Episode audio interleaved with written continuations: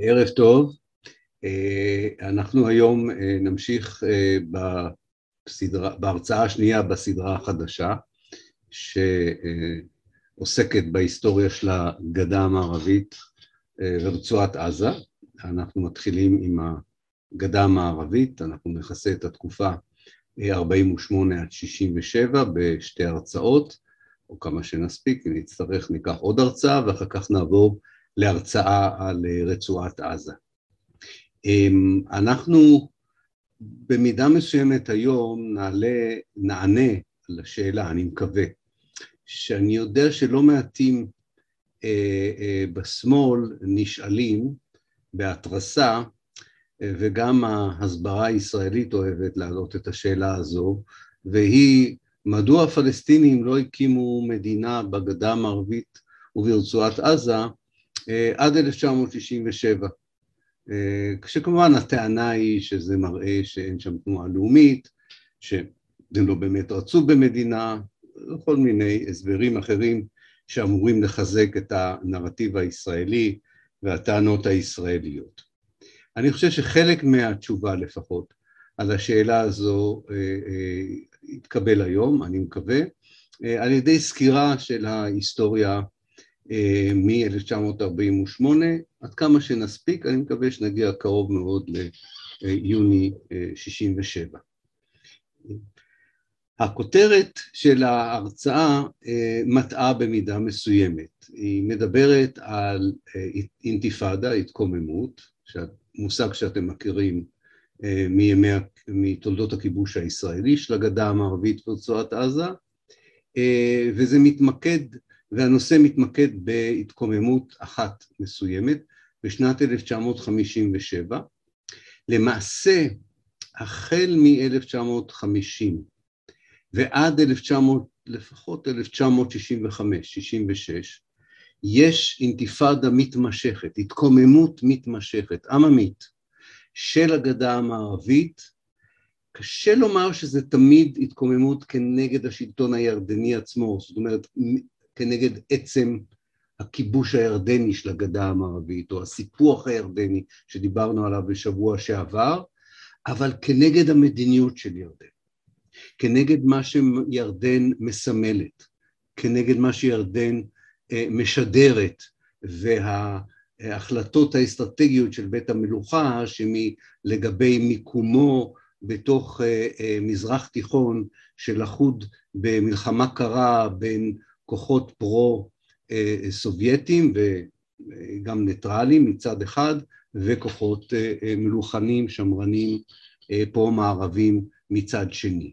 כך שההתקוממות היא לא רק ב-1957, אנחנו בדרך כלל מציינים את 1957 משום שהגיע לשיא מסוים בהיקף ההפגנות, בהיקף ההתקוממות, באכזריות שבה הצבא הירדני נקט אה, כנגד ההתקוממות הזו, אבל כאמור, כפי שנראה, היא התרחשה קודם לכן עם הפסקות והתרחשה גם לאחר מכן. במילים אחרות, תושבי הגדה המערבית, פליטים ואזרחי קבע, אנחנו, כזכור, ישראל לא כבשה את הגדה המערבית במלחמת 48, לכן התושבים המקוריים של הגדה המערבית נותרו במקומם. נוספו אליהם כמובן מספר עצום של פליטים שהגיעו משאר חלקי אה, פילסטין ההיסטורית. שתי הקבוצות גם יחד, אה, אה, קבוצות מאוד תוססות, קבוצות מאוד פעילות מבחינה פוליטית חברתית ומנסות בעת ובעונה אחת הייתי אומר לתמוך בהקמתה של תנועה לאומית פלסטינית מחודשת שתפעל למען שחרורה של פלסטין כולה מצד אחד ומצד שני לפעול לשינוי אופי המשטר בירדן כדי שחזון אה, של פן ערביות מתקדמת, סוציאליסטית, חילונית, אה, יתחיל בירדן ואחר כך יקיף את העולם הערבי אה, כולו. יש פה שני סדרי יום שאמורים כמובן להזין אחד את השני. אם העולם הערבי יהיה מאוחד יותר, סוציאליסטי יותר, חילוני יותר, שמרני פחות, מצד אחד, אה, הוא גם יוכל לפעול בצורה הרבה יותר יעילה למען שחרור פלסטין. אז למעשה זה לא סדרי יום סותרים, אלא סדרי יום משלימים. הסיבה לאי היציבות הזו המתמשכת בין 48 ל-65 בגדה המערבית היא קודם כל באמת השינוי הדמוגרפי האדיר שהתרחש בירדן כתוצאה מסיפוח הגדה המערבית לממלכת ירדן אה, אה, בזמן מלחמת 48. מאות אלפי פליטים מגיעים אה, לשתי הגדות, ירדן היא לא מדינה מודרנית, היא לא מדינה מסודרת, היא לא יודעת בכלל איך לקבל את פניהם של מאות אלפי הפליטים ואיך להסתגל לנוכחות שלהם. כאן חבוי בתוך זה סיפור נוסף על ערי הגדה המערבית והכפרים של הגדה המערבית, שכל אחד מהם לא היו יחידות אה, אה, אה, דמוגרפיות גדולות, כל אחת מהם קולטת מספר עצום של פליטים, פי עשרה מהמספר של התושבים, זה סיפור מופלא בסך הכל של סולידריות פלסטינית שדואגים לפליטים האלה כמעט ללא שום משאבים וללא יכולות אה, אה, משלהם, ובכל זאת הם מתחזקים את הפליטים, מונעים מהם לרעוב, נותנים להם מחסה, גם אה, נותנים אפשרות לילדים ללמוד בבתי ספר, וזה עד, וכל זה עד שב-1950 מוקם ארגון הסעד והתעסוקה של האו"ם, אונר"א, ונוטל על עצמו לפחות חלק מה... המשימות הללו, אבל עד 1950, אתן לכם דוגמה למשל, העיר אה, אה, ג'נין שלא הייתה יותר משלושת אלפים איש, קלטה כמעט ארבעים אלף פליטים והחזיקה אותם, והיחס הזה בין כמה אלפים, ש... אה, עיר שמונה כמה אלפים של, עיירה יותר נכון, שמונה כמה אלפים של תושבים, שמתחזקת עשרות אלפי פליטים במשך שנתיים, אה, אה, מתרחש, הסיפור הזה מתרחש בכל מקום, וכאן יש פרק מפואר יחסית של העיריות המקומיות שנוטלות על עצמם את ההתארגנות הזו אה, ומצילות אלפי פליטים מגורל מר. בכל מקרה, נחזור לענייננו, ירדן של, במשך השנתיים האלה לאט לאט מגבשת איזושהי אסטרטגיה מול ה... מול תושבי הגדה המערבית אה, ומול הפליטים, כפי שקצת אה, הסברנו בשבוע שעבר, היא מציעה קודם כל לתושבי הקבע של הגדה המערבית אזרחות, שנים לאחר מכן היא תציע אזרחות שונה קצת, אבל אזרחות בכל זאת לתושבי מחנות הפליטים, אם כי אה, מספר לא קטן של אנשי המחנות יסרבו לקבל את תעודות הזהות הירדניות, ונוצר פה איזשהו מאבק כוחות אה, אה, שכל הזמן מתרחש בין מצד אחד הבית ההאשמי והצבא הירדני שמבוסס על שבטים אה, בדואים וחברה בגדה המזרחית שתומכת בו מצד אחד, ומצד שני המנהיגות הפוליטית, האקטיביסטית, החברתית והתרבותית של הפלסטינים בגדה המערבית, במיוחד במחנות אה, הפליטים, לפעמים יש מודוס ויבנדי, לפעמים יש הבנות משותפות, לפעמים מוצאים דרך אה, אה, לחיות ביחד, לפעמים יש התנגשות, וכל אחד מנסה להשפיע ולהטביע את חותמו על היצור הפוליטי החדש הזה שנוצר, לא רק הגדה המערבית, אלא כפי שקראתי לזה בהרצאה של שבוע שעבר, על ירדן הגדולה. כן, ירדן הגדולה שנוצרה כתוצאה מסיפוח הגדה המערבית.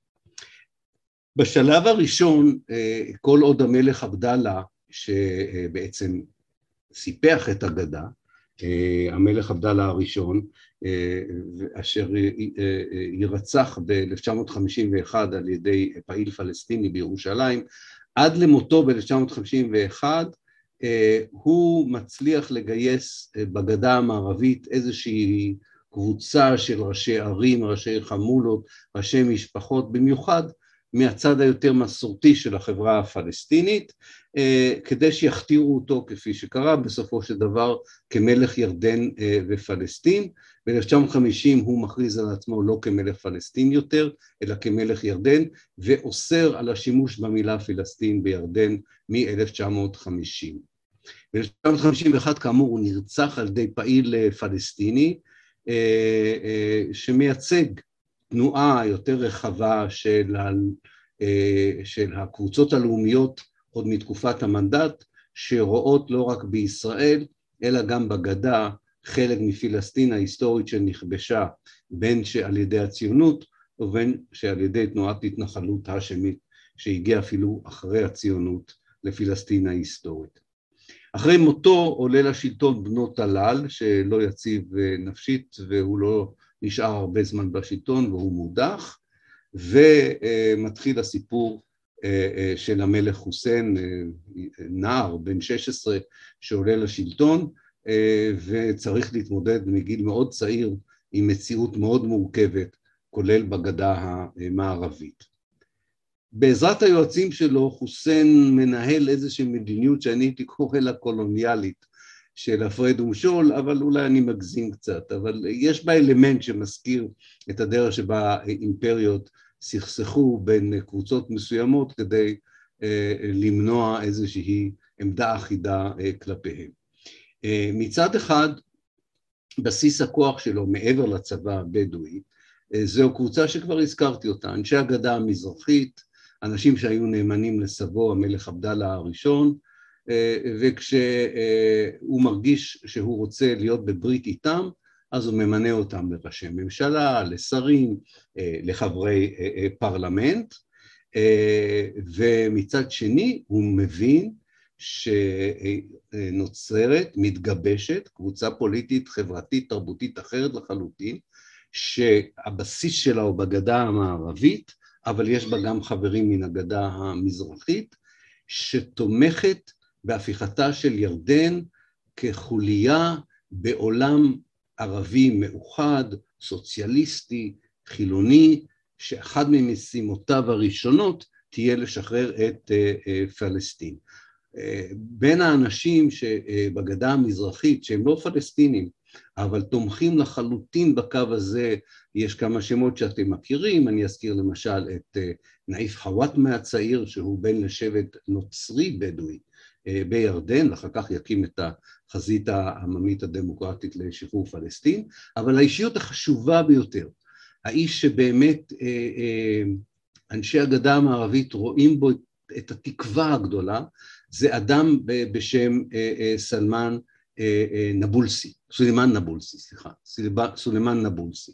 למרות שהשם שלו הוא נבולסי, זאת אומרת שהוא סולימאן שבא משכם, הוא לא, הוא לא, הוא לא נולד בשכם, הוא נולד ב, אה, ב, בעבר הירדן, בצד המזרחי של, של הגדה, של, של נהר הירדן, אה, אבל אה, אנחנו עוד נדבר עליו ונסביר עד כמה הוא היה מהותי בשמירת האנרגיה המהפכנית בגדה המערבית בין 48 עד ל-67.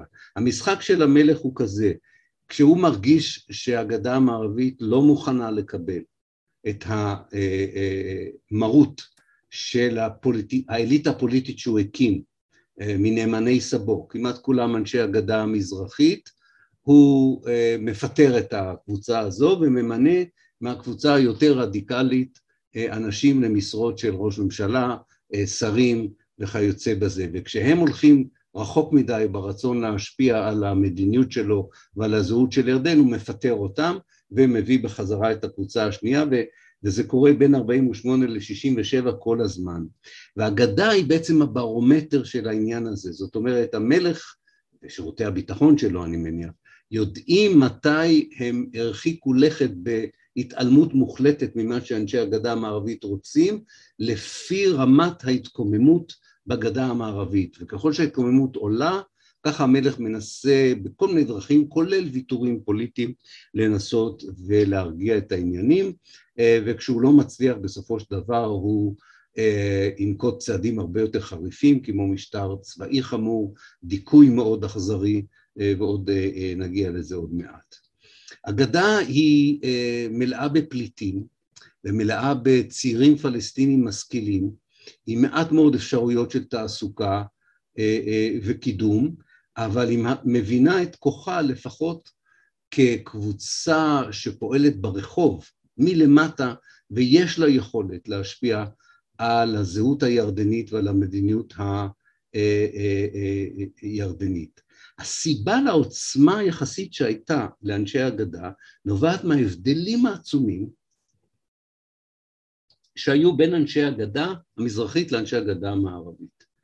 אה, אנשי הגדה המערבית היו אנשים בעלי אה, השכלה אה, ומיומנויות שבעצם אם חושבים על זה שאם כל ההון האנושי הזה בגדה המערבית היה מושקע בפלסטין עצמאית, כמובן לשם הוא היה צריך ללכת מבחינת הצדק ההיסטורי, אבל זה לא התאפשר.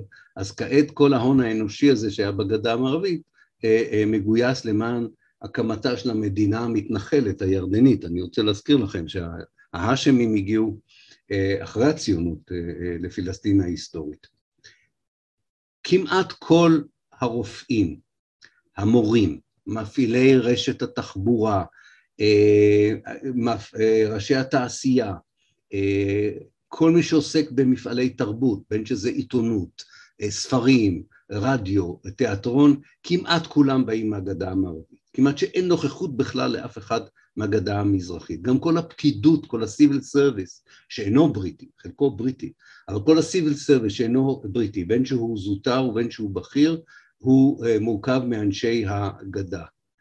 אני אומר בסוגריים שזה לא מפתיע שמשה שרת, בזמן שהוא היה שר חוץ בממשלת בן גוריון, ובעיקר בזמן, בתקופה הקצרה מאוד, כשהוא היה ראש ממשלה בין 1954 ל-1955, אה, הציע לממשלה לתמוך בהפלת המשטר הירדני בגדה המערבית ולהקים שם מדינה פלסטינית. אה, מתוך הבנה של מה שקורה שם, והוא אפילו קיווה שהפלסטינים ישתלטו על ירדן אה, עצמה, אבל בסופו של דבר המדיניות הישראלית לא הלכה לכיוון הזה. יש מתח עצום בין האוכלוסייה השמרנית של הגדה המזרחית, גם אל מול סדר היום הפוליטי והחברתי של אנשי הגדה המערבית. הצעירים, הצעירים והצעירות בגדה המערבית דוגלים בשוויון לנשים, אה, בקידום על פי כישורים ולא על פי קשרים. אה, זו אוכלוסייה שרוצה להתעייר, רוצה לעבור כמה שהיא יכולה אה, מרחב עירוני, חולמת על רפורמות חברתיות וגם דורשת את הזכות להתאגד כמפלגות וכתנועות פוליטיות כדי להשיג את מטרותיה. וכל השאיפות האלה וכל הרצונות האלה והחזונות האלה לא מתאימים לבית מלוכה שמרני כמו זה של ההאשמים, שכזכור הגיע, אתם זוכרים את ההרצאה לפני שבוע, הגיע ממכה ומדינה והקים איזה מדינת שבטים אה, אה, עם תפיסה אחרת לגמרי של מה זה לאום, מה זה מדינה ומה זה מלוכה. אה, הגדה המערבית מפחידה לא רק את הבית ההאשמי, היא מפחידה את המערב, שחושש, יש איזו תפיסה אמריקאית מטומטמת באותה תקופה, אה, שמוביל אותה אה, אה, אייזן, הנשיא אייזנהאואר ושר החוץ שלו, ג'ון פוסטר דאלאס, שכל דבר שהוא לא אמריקאי הוא סובייטי. וישר, אתם יודעים, המסמכים האמריקאים היום פתוחים, אתם יכולים בעצמכם די בקלות להגיע אליהם דרך האינטרנט. מאוד מעניין לקרוא את הניתוחים האמריקאים של המציאות בגדה המערבית. זה, זה נראה להם אה, איזושהי חממה שבקלות אה, הסובייטים השתלטו עליה אה, בסופו של דבר, ובמלחמה הקרה הזו יהיה הישג בלתי רגיל אה, לגוש המזרחי. אין דבר יותר רחוק מה, מה, מהמציאות, אבל, אבל המערב אה, מפמפם את אה, חוסיין גם בנשק, גם בעזרה ובעיקר בלחץ עליו לא לתת לפלסטינים מהגדה המערבית חופש פוליטי אה, ולהביע את עמדותיהם ולהתארגן אה, כדי לנסות ולממש את החזון שלהם. אה, הוא גם מפחיד את ישראל כמובן, בן גוריון יש לו טראומה רצינית, כפי שהוא אומר, מכל משהו ערבי רדיקלי, אה, זו אחת הסיבות שהוא יזם יחד עם הבריטים והצרפתים את הניסיון הנואל אה, להפיל בכוח את ג'מאל עבד אל-נאצר במצרים ואחר כך רבין כרמטכ"ל יוביל את הרצון הזה ב-67' להפיל את המשטר של הבאס בסוריה אבל מצד שני ההתפתחויות האלה מרתקות את ג'מאל עבד אל-נאצר במצרים, את האידיאולוגים של הבאס בסוריה ובעיראק, ויש לנו פה שני כוחות, לא שני כוחות, יותר משני כוחות, יש לנו פה כוחות חיצוניים שגם הם מתערבים במאבק הזה בעצם בין הפוליטיקה הפלסטינית אה, לבין האסטרטגיה ההאשמית בין 48 ל-67. צריך לזכור שיחד עם הפליטים, תושבי הגדה המערבית והפליטים ביחד, היו שני שליש מכל אוכלוסיית ירדן. ושוב הפלסטינים מגלים, כפי שהם גילו בתקופת המנדט, כפי שהם גילו אה, כאשר הנושא של פלסטין הגיע לארגון האומות המאוחדות, שהדמוקרטיה הדמוגרפית זה לא משהו שהעולם מוכן לתת להם. זאת אומרת, העובדה שהם רוב אה, אה, לא מאפשר להם אף פעם לממש את אה, זכותם לזכות הגדרה עצמית ולעצמאות. לא העולם מאפשר להם את זה, לא התנועה הציונית מאפשרת להם, ועכשיו הם מגלים שגם הבית ההאשמי לא מוכן לתת להם דמוקרטיה שדרכה הם יכלו לבטא בצורה הרבה יותר ברורה מה הם היו רוצים שירדן תהיה ומה יהיה החלק של ירדן בשחרור פלסטין ומה יהיה החלק של ירדן בהצעדת העולם הערבי כולו לעבר חזון חברתי, אה, תרבותי ופוליטי טוב יותר. אה, המלך אה, לא נוקט רק באמצעים דרקוניים, הוא מנסה, כפי שאמרתי, גם מדי פעם לאפשר לקבוצה הזו להיות חלק מהממשל, כי הוא מקווה שעל ידי קואופטציה וחיבוק דוב שכזה, אולי הוא גם יכול להרגיע, לפעמים אגב זה קצת עובד, אני צריך להגיד את זה. הוא עושה צעד ענק, ככה הוא מרגיש לפחות, לטובת הכוחות האלה, כאשר ב-1957 הוא מסלק את הרמטכ"ל הבריטי של צבא ירדן, אדם בשם אה, גלאב אה, פאשה. זאת אומרת, אה, כאשר יש הפגנות בערך מ-1950 עד 57, כל אימת שהמדיניות שלו לא נראית לאנשי הגדה המערבית, הגדה תוססת. כל, כל מה שאתם יכולים לדמיין כ, כאינתיפאדה. כן? הוא מנסה כל פעם או לדכא את זה, או לנסות לפייס את, ה, את המתמרדים. אה, ב-57' הוא חושב שהוא עושה ג'סטה בלתי רגילה לתנועה הפלסטינית שגדלה בגדה המערבית, על ידי סילוק הרמטכ"ל הבריטי של הצבא הירדני, גלאב פאשה, וכל הקצונה הבכירה הבריטית. כל, הקצ... כל שדרת הקצונה הבכירה של הצבא הירדני היו קצינים בריטים. כמעט ולא היו שם קצינים אה, ערבים, ב-57 הוא מסלק אותם, התואנה אגב זה מעניין כשעצמה, היא מעניינת כשעצמה, הוא מאשים אותם בהפקרת אה, לוד ורמלה ב-1948 והוא אומר שרק בשביל זה אין להם זכות יותר לעמוד בראש הצבא הירדני, אבל זה לא מספק. את תנועת ההתקוממות הפלסטינית בגדה המערבית, הם דורשים גם את הסילוק של הבריטים בכלל, לא רק את הרמטכ"ל, אה, ובסופו של דבר אה, המלך חוסיין נענה לזה ובעצם מנתק את עצמו לפחות באופן רשמי אה, מהמערב ומבריטניה אבל רק באופן רשמי, זאת אומרת הוא, הוא, הוא שומר על ערוצים פתוחים עם ישראל ועם ארצות הברית בהבטחה ששני הגופים האלה יעזרו לו, שני המדינות האלה יעזרו לו במידה והוא באמת יהיה תחת סכנה של של אה, אה, נפילה. אה, בינתיים הוא גם מנצל את הזמן על ידי השירות החשאי, לנהל מצות בעזרת השירות החשאי שלו אחרי האנשים במערכת החינוך, בעיתונות וכולי, ובתי הכלא הירדנים מתמלאים באסירים פוליטיים, אבל כל זה לא מצליח להרגיע את ההגדה המערבית. אני רוצה לחזור רגע לסולימאן נבולסי, משום שהמלך מבין ב-57, אחרי שבע שנים של התקוממות בהפסקות, אתם מבינים שההתקוממות הזו היא בהפסקות, והיא קשורה עד כמה המלך מוכן לשלב את אנשי הגדה המערבית והשמאל בממשלה שלו, ועד כמה הוא מוכן לממש את התביעות שלהם בפוליטיקה הפנימית והפוליטיקה האזורית. ב-57 אה, אה, הוא, הוא, הוא מנסה אה, לעשות ויתור נוסף ולקחת את האישיות שאנשי הגדה המערבית רואים בה אה, אישיות פוליטית נערצת לא פחות מהערצה שהם רכשו לג'מאל עבד אל נאסר במצרים וזהו סולימאן נבולסי. אני אמרתי כבר, למרות ששמו הוא סולימאן השכמי, זאת אומרת שהוא בא משכם, הוא נולד אה, אה, בעבר הירדן, הוא נולד בעיר סולט אה, בסוף התקופה העות'מאנית, אבל הוא באמת בא ממשפחה אה, משכם, מנבלוס.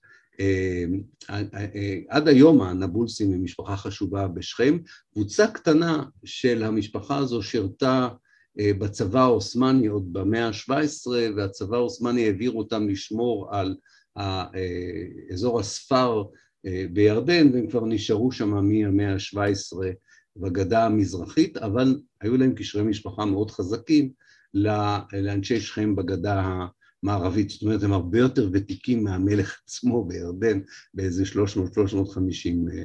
שנה.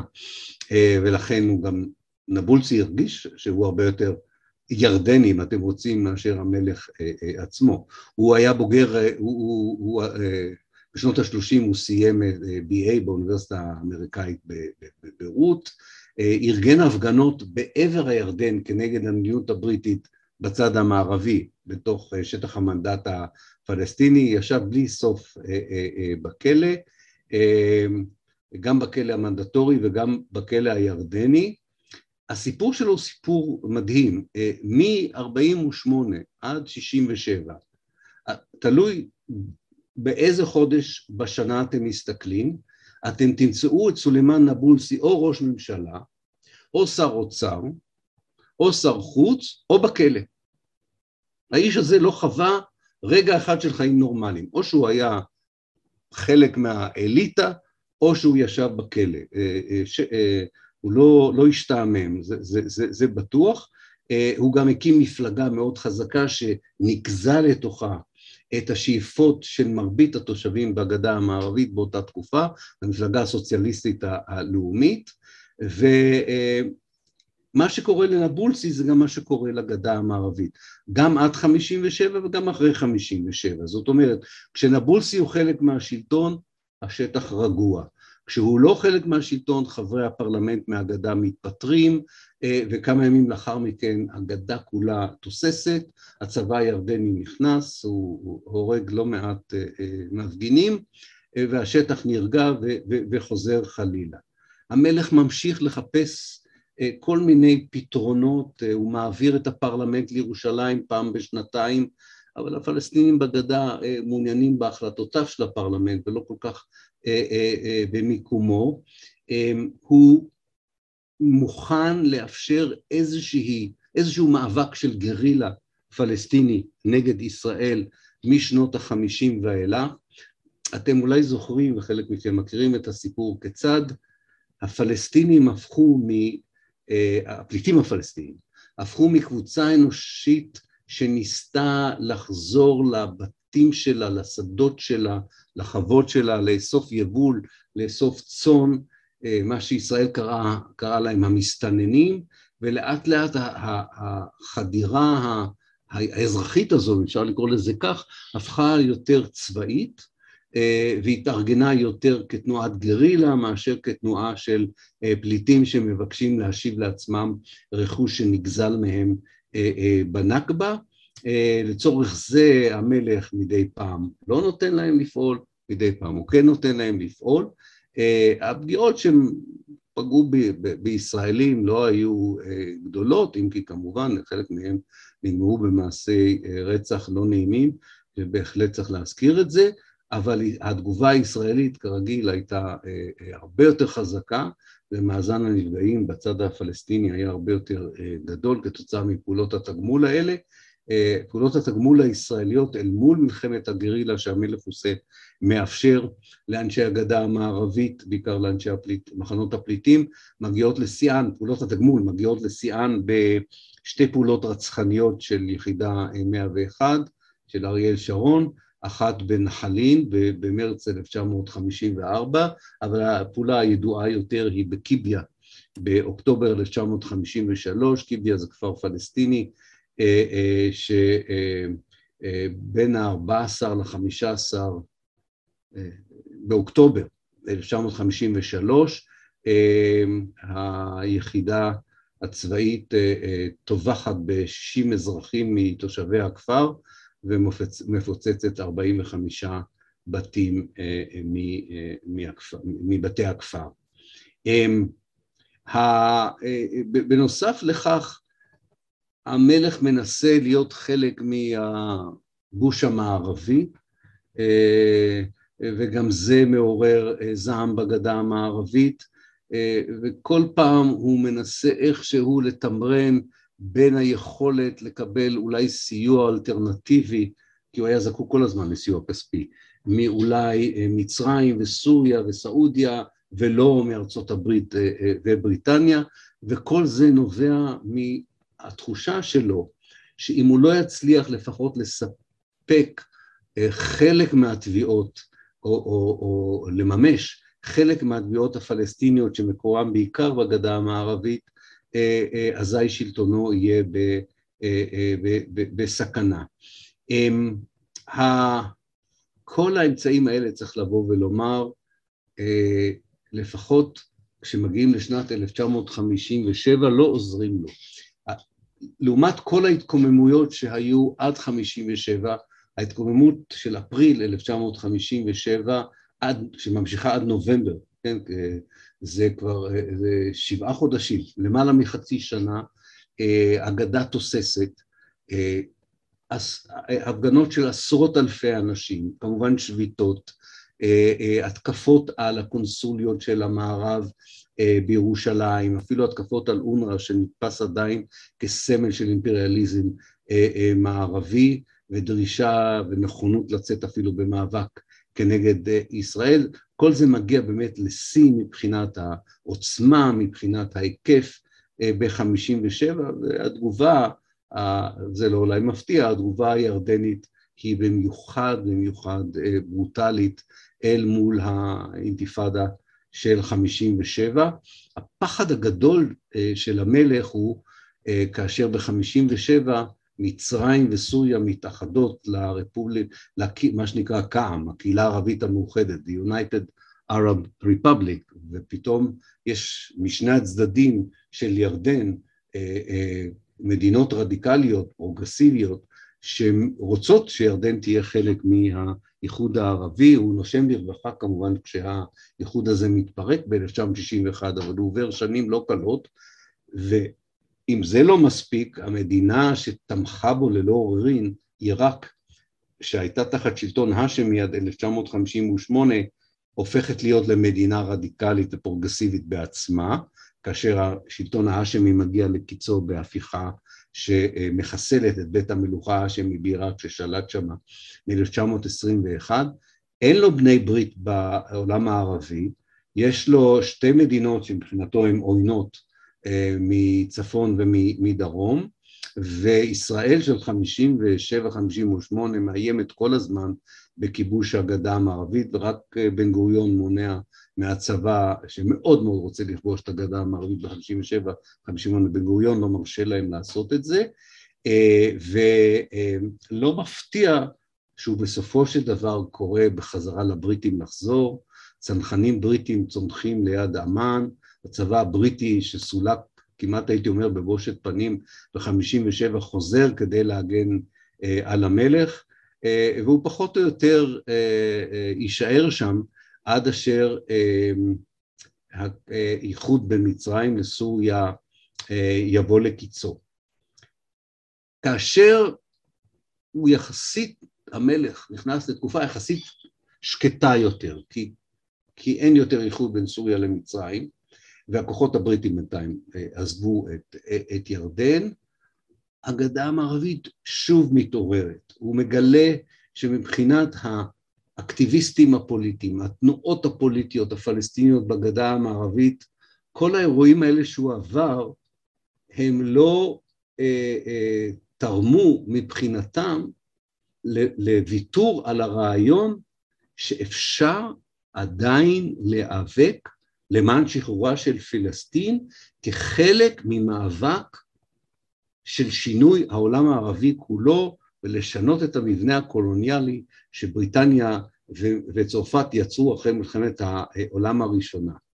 ומי עומד בראש התנועה הזו? שוב אותו ידידנו סולימאן נבולסי.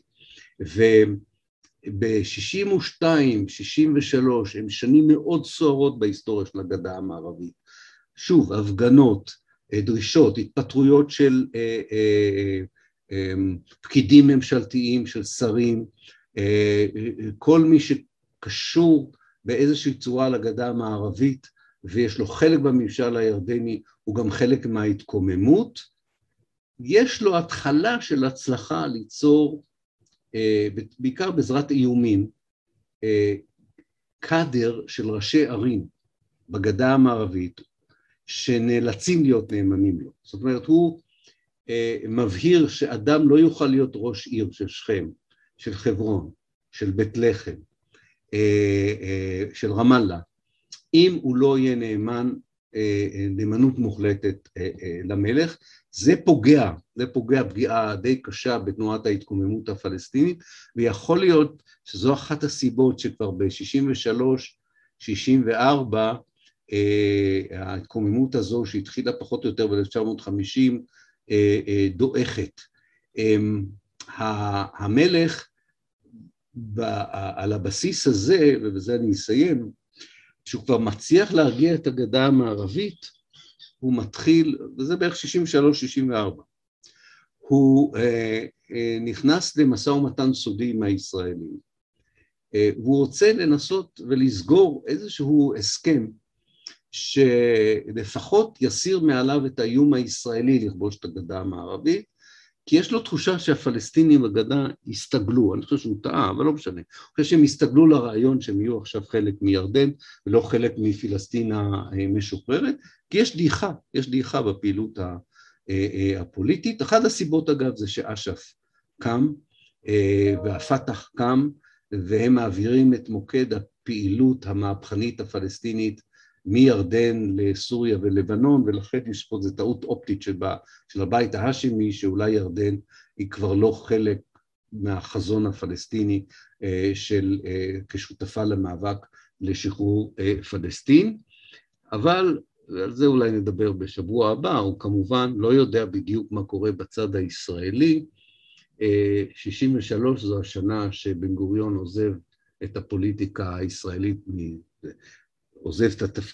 את תפקודו הבכיר בפוליטיקה הישראלית, הוא עדיין נשאר בתוך הפוליטיקה, אבל הוא מאבד את הכוח שלו בפוליטיקה הישראלית, ובן גוריון חסם בגופו את כל הניסיונות של הלובי לארץ ישראל השלמה והצבא הישראלי שהיה להוט תכבוש בכל רגע נתון את הגדה המערבית, כאשר הוא מסולק מהזירה הפוליטית, הדרך פתוחה ומתחילים לתכנן בצורה מאוד מאוד מסיבית וסיסטמטית את כיבוש הגדה המערבית ורצועת עזה, אבל על זה נדבר יותר מאוחר, זה מתחיל ב-1963.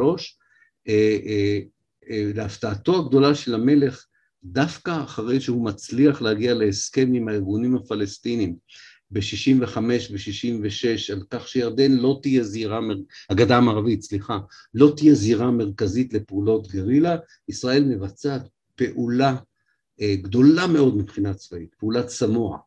ב-1966, שפוגעת פחות בפלסטינים והרבה יותר בצבא הירדני.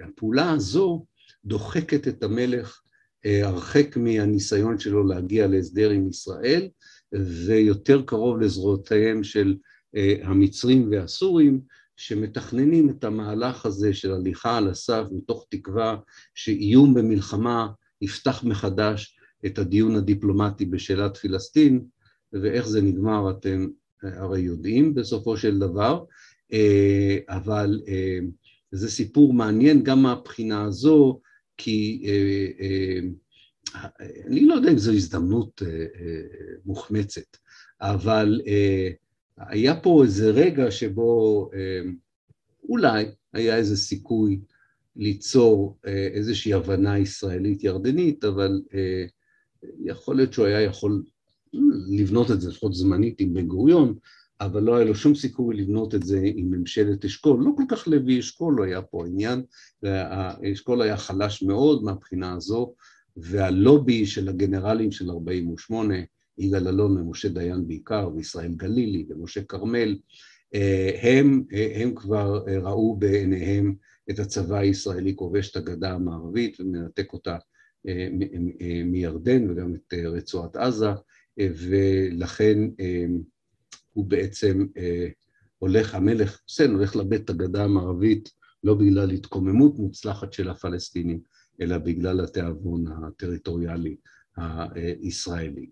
לסיכום, ובזה אני אסיים, הגדה, הפלסטינים בגדה המערבית, פליטים ותושבי הקבע, אה, בגלל שהם חוו את הנכבה, שתי קבוצות שחוו את הנכבה בצורה מאוד שונה, הפליטים חוו את זה בצורה הקשה ביותר, ותושבי הגדה המערבית לא חוו כמעט את הנכבה, הם לא עברו כיבוש ישראלי, לא עברו גירוש ישראלי, אבל יחד הם יצרו כוח פוליטי שהיה הרבה יותר תוסס, אולי פרט לכוח הפוליטי שצמח בעזה ונדבר עליו עוד, אה, כוח פוליטי תוסס שלא קיבל את המציאות שנוצרה ב-48 כעובדה מוגמרת, האמינו שיש להם כוח לא רק להשפיע אה, על המצב בפלסטין ההיסטורית, אלא בעולם הערבי כולו.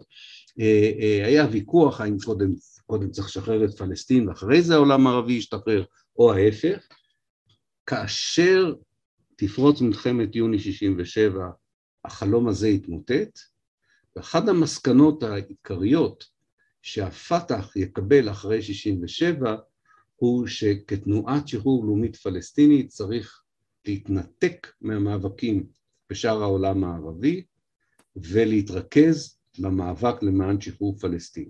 השמאל הפלסטיני ימשיך לשנות ה-60 וה-70 להאמין שאסור להפריד בין שני המאבקים האלה, אה, אבל בסופו של דבר צריך לבוא ולומר, היה הפלסטינים כמו בתקופת המנדט, אפילו כמו בתקופת הצהרת בלפור, ודאי כמו אחרי 67, הם תמיד עומדים מול קואליציה עצומה ואדירה, ואין להם, להם יכולת, וזה בכלל לא מפתיע, להעמיד קואליציה נגדית. זאת אומרת, כשאתה עומד מול ארצות הברית, בריטניה, ישראל והבית ההאשמי, אה, אה, אתה לא יכול באמת אה, לשחרר את, ה, את המולדת שלך, ואתה גם לא יכול להקים מדינה אה, דמוקרטית, אה, ו, ולמרות כל זאת, למרות כל זאת, בכל 19 השנים של השלטון הירדני, הירדנים הרגו הרבה פחות פלסטינים ממה שישראל תהרוג ב-19 השנים שאחרי 67, הרבה פחות פלסטינים היו בכלא הירדני מאשר יהיו בכלא הישראלי, אחרי 1967 ו-20 השנים הראשונות. אה, והפלסטינים אה, לא נשברו, צריך להגיד את זה, הם לא נשברו בסופו של דבר, הם העבירו את המאבק לחזיתות אחרות, לדרכי מאבק אחרים, אה, והם עדיין איתנו, וההתקוממות של 57 לא הייתה האחרונה, וההתקוממות כנראה של 2000 גם היא לא תהיה האחרונה. אז אולי אני אעצור פה, ואני אשמח מאוד לענות לכם, גם לקרוא את ההערות שלכם וגם לענות על השאלות. אז רק ניכנס לצ'אט. אני צריך להיכנס לצ'אט. שנייה, אה, זה לוקח עוד קצת זמן. הצ'אט שלי קצת איטי היום, הנה. יהודית, כמה אזרחים ירדנים היו כשירדן נהייתה מדינה עצמאית וכמה היו אחרי מלחמת ה-48? אנחנו מדברים על אה, אה, אוכלוסייה אה, של אה, בערך 100 אלף איש שהפכה לכמעט 400 אלף. אבל כדאי לבדוק את המספרים, אני לא זוכר אותם בדיוק יהודית, אבל זה, זה, זה, האוכלוסייה שילשה את עצמה, היא שילשה את עצמה כתוצאה מסיפוח הגדה המערבית, כן? זו הייתה מדינה קטנה מאוד, עבר הירדן הגיע, אמ"ן, אתן לך דוגמה למספר שאני כן זוכר אותו במדויק, אמ"ן באפריל 48' היה סקר באמ"ן, היו שם 30 אלף תושבים. ביולי 48' היו כבר 130 אלף. פליטים שהגיעו מכל המקומות. זאת אומרת, הגידול היה, כמו שאמרתי, במקומות מסוימים, יש לנו אגב מספרים מאוד מדויקים לגבי הגדה המערבית, אפשר לחבר אותם. אני עבדתי עם ידידי ג'וני מנסור על ספר שהולך לצאת בערבית, אני מקווה שהוא גם יצא באנגלית, על כיצד העיריות שכם, ג'נין וטול כרם קיבלו את הפליטים הפלסטינים בין 48 ל-50 ויש בארכיונים שם יש את המספרים המדויקים זה פשוט מדהים, זו אוכלוסייה של 2,900 איש, מקבלת 40 אלף איש או משהו כזה, אני כבר לא זוכר את המספרים המדויקים, אבל יש, זאת אומרת, כמה אלפים אה, אה, דואגים לעשרות אלפים. ירדן אה, הופכת ממדינה קטנה מבחינה דמוגרפית למדינה הרבה יותר משמעותית, אבל שני שליש מהאזרחים הם חדשים, חצי מהם הם פליטים. והנאמנות שלהם היא לא לבית ההאשמי, הם רואים את עצמם כחלק מפלסטין שהייתה צריכה להיות ולא נהייתה. ושאלת האם מפלגת עבאס הייתה פעילה בירדן? כן. מפלגת עבאס היו, מפלגת עבאס צמחה בסוריה בשנות החמישים, אבל הקימה סניפים בלבנון ובעיראק וגם בירדן, וגם בירדן, המפלגה הזו, כמו המפלגה הקומוניסטית, תלוי היה במצב רוחו של הבית ההאשמי. לפעמים הייתה מחוץ לחוק, ולפעמים הייתה בתוך החוק ואפילו חברה בממשלה. זה היה חלק ממשחק הכוחות הזה, שהמלך ניסה כל הזמן. הוא לא ידע מה עדיף, לשלול בכלל את הזכויות הפוליטיות של האופוזיציה שעמדה מולו, או לנסות לשתף אותה בשלטון. בשני המקרים זה לא עבד לו טוב. אז הוא היה מיד עובר לצד השני. לכן עבאס היה קיים לפעמים מחוץ לחוק ולפעמים אה, אה, בתוך החוק. דניאל שואל באנגלית, Did Jordan impose restriction on the location in which Palestinians could resettle? Did Jordan try to keep Palestinians in the West Bank and out of the East Bank? Was there a difference in the, the manner in which they were absorbed on two places? אז גם זה, דניאל, תלוי בתקופות. יש תקופות שבהן המלך או בית המלוכה רוצה שתהיה זרימה מהגדה המערבית לגדה המזרחית. הוא גם מאמין שזה ממוסס קצת את הגדה המערבית, אם חלק מהאנשים יעברו לגדה המזרחית. זה מפזר, זה, סליחה, זה מפזר קצת את, ה, את, את, ה, את העניין. מצד שני, אה, אה, אנשים בגדה המזרחית לא אוהבים כל כך את אנשי הגדה המערבית, גם בגלל שהם נראים להם אה, מודרניים מדי, וגם בגלל שהם מאיימים על המשרות שלהם, ואז יש יותר ניסיון לעשות רגולציה, לשלוט במעבר האזרחות. אז כן, זה כן שלטון שמתערב באיפה אתה יכול לגור ולאן אתה יכול לעבור, אבל יש מקרים שבהם נותנים לך לעבור לאן שאתה רוצה, תלוי מה הנסיבות הפוליטיות באותו, באותו רגע. אנשי הגדה המערבית שכתבו ספרי זיכרונות טוענים שבסך הכל הייתה אפליה נגד הגדה המערבית. זאת אומרת, בגדול זה מה שהם זוכרים, זה מה שהם גם טוענים. אני טוען, אבל אני לא רוצה להתווכח איתם, זה, זה כמובן, אני מכבד את הטענה, אני, אני חושב שבאמת המשחק היה הרבה יותר מורכב מאשר גדה מערבית וגדה מזרחית, המשחק היה פוליטי בין שתי הקבוצות הפוליטיות שתיארתי, הקבוצה הפרו-האשמית והקבוצה, נקרא לה, של הפן-ערביות. השמאל הפן ערבי. והשמאל הפן ערבי גם היה לו אנשים בגדה המזרחית. ולקבוצה הפרו-האשמית היו גם אנשים בגדה המערבית, כך שהחלוקה אני חושב הייתה פה הרבה יותר אידיאולוגית ופוליטית מאשר גיאוגרפית בסופו של דבר. שלמה כותב, יש שוכחים כי מלך בירדן, מרוקו ועוד דיקטטור השליט רק מפני שנולד לאביו הדיקטטור הקודם. כן, זה בהחלט בתי מלוכה גניאולוגיים, שיורשים את השלטון, זה, זה נכון לחלוטין, ויחד עם זאת, אתה עדיין יכול להיות, תראה את אנגליה, אתה יכול להיות מלך תחוקתי, והמעבר יהיה בתוך המשפחה. זה יכול להיות שהבעיה זה פחות הירושה, אלא, אלא אופי השלטון. מה שמעניין הוא כמובן שהחלק העצוב בסיפור של השמאל הרדיקלי הערבי, שהוא מובס בסופו של דבר על ידי שושלות של קצינים ופעילים פוליטיים שעולים לשלטון בזכות תנועות אידיאולוגיות מהפכניות ויוצרים בתי מלוכה רפובליקניים משלהם. ראה את משפחת אסד בסוריה, את מה שקרה בצפון אפריקה, מה שקרה במצרים, בעיראק, כן? הם מנסים להקים שושלות אה, אה, אה, ומעביר את השלטון לבנים שלהם אה, בשם אידיאולוגיה כביכול אנטי מלוכנית, אבל זה כמובן הסיפור העצוב של אה, הכישלון של השמאל הערבי. יהודית שואלת, אני מניחה שירדן תומכת בזכות השיבה הפלסטינית, איך ירדן מתחברת למאבק הפלסטיני לעצמאות וחירות, כשיש לה אינטרס מקביל, או לפחות היה לה אינטרס היסטורי, כפי שסיפרת בשבוע שעבר, לאזרח פלסטינים ולהפוך אותם לירדנים. מתי השתנו האינטרסים הירדנים בנוגע לעם הפלסטיני? זה לא סותר, אני חושב, יהודית, זאת אומרת, אמ, אה, זכות השיבה, כמובן מבחינת הבית ההאשמי, אם היא מתממשת, מפחיתה את מספר הפליטים הפלסטינים בירדן. הם רואים בפליטות הפלסטינית גורם אה, מתסיס, גורם אה, של אי יציבות, לכן מחנות הפליטים באמ"ן עצמם מוסתרים מעיני התייר הממוצע שמגיע לאמ"ן. מצד שני אה, אה, הם עברו מהפך מאוד מאוד גדול ב-1988, זאת אומרת עד 1988 בית המלוכה ההאשמי האמין שהאמריקאים יובילו מהלך דיפלומטי שבסופו של דבר יאפשר לירדן לחזור לגדה המערבית. אם לא לכולה אז לחלקה.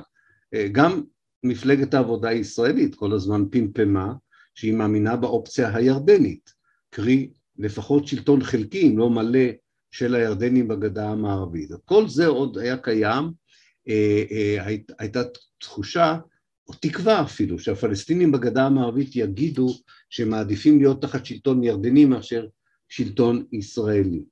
ב-88 המלך חוסיין מבין שאין שום סיכוי שהחזון הזה יתרחש, הוא עושה סוויץ' בנאום מאוד מאוד ידוע מזיל דמעות, הייתי אומר דמעות תנין, אני לא חושב שזה באמת בכה, אבל הוא בוכה. הוא בוכה בטלוויזיה ואומר שהוא נאלץ לוותר על הגדה המערבית ויתור מוחלט, ומאותו רגע הוא תומך ברעיון שתי המדינות. מאותו רגע הוא תומך ברעיון שתי המדינות.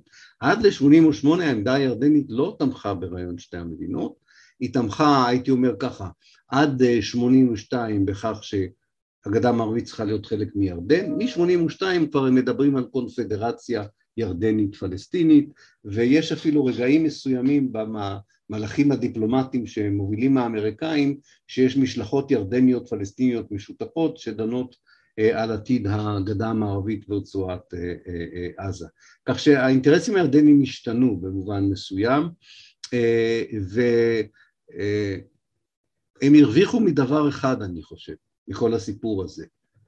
אני חושב שהם כן יצרו אזרחות פלסטינית ירדנית יותר איתנה, יותר איתנה. זאת אומרת שיש פלסטינים בירדן שהם לא במחנות הפליטים, יש הרי שתי אוכלוסיות בירדן, בירדן היום, זה בגדה המזרחית, כן? יש אנשים שעדיין גרים במחנות פליטים ויש אנשים שלא גרים במחנות פליטים.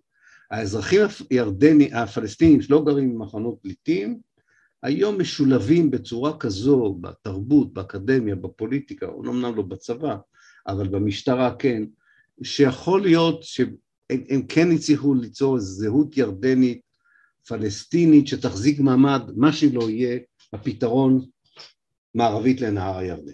אבל זה אי אפשר לדעת, זה רק אנחנו נדע שזה, כשזה יתרחש, כן? אה, אבל זה עדיין פתוח, זה הכל עדיין פתוח.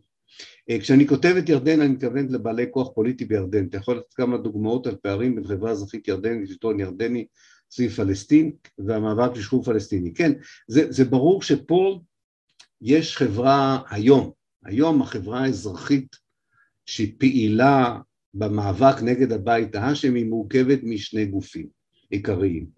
מגוף, מגוף שמרגיש עדיין פלסטיני ורואה בבית ההאשמי אה, כמייצג לא נאמן של הרעיון הפלסטיני, והתופעה החדשה שצומחת כבר אחרי 67' בעיקר, של התנועה האסלאמית הפוליטית, של האחים המוסלמים.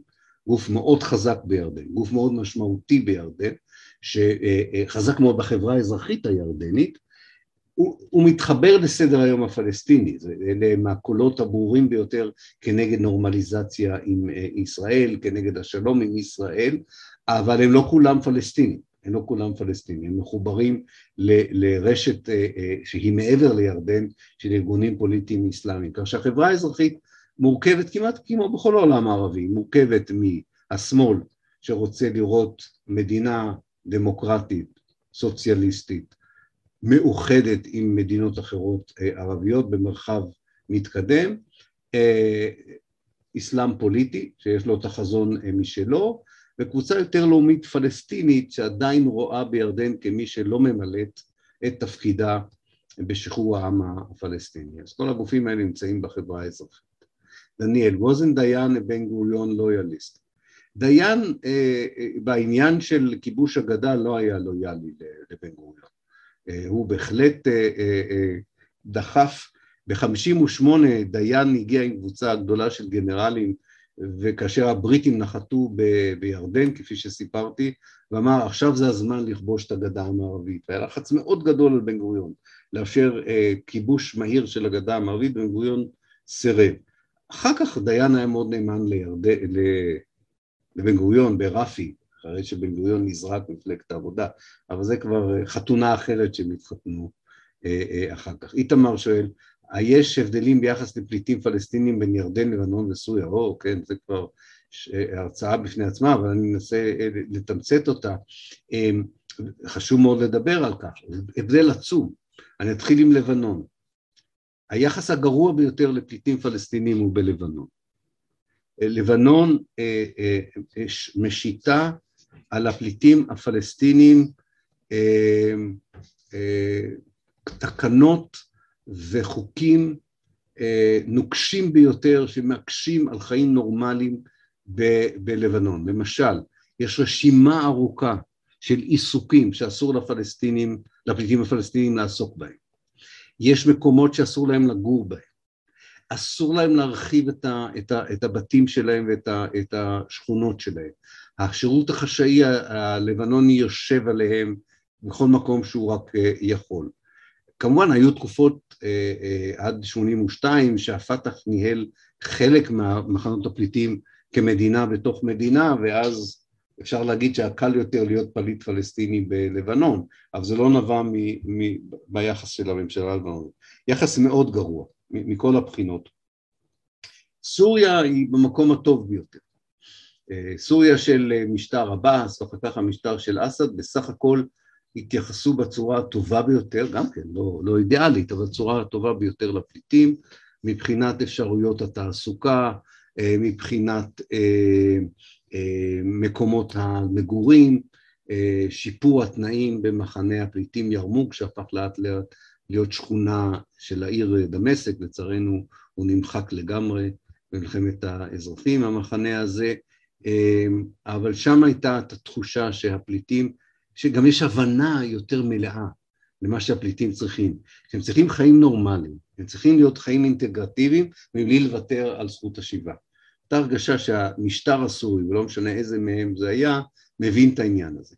ירדן זה סיפור מורכב כמו שאנחנו רואים, זאת אומרת, זה המדינה הערבית היחידה שהציעה להם אזרחות, מצד אחד, אבל זו גם המדינה היחידה שהיה לה שטח כבוש בפילסטין, שהיא טענה שהוא שלה, אז זה יחסים מאוד מורכבים, עד היום הם מאוד מורכבים, אה, כך שאולי זה קצת מזכיר את ישראל והמיעוט הפלסטיני בישראל.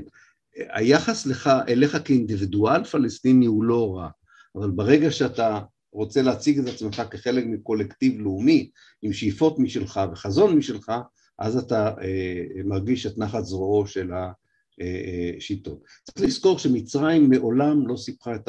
את עזה.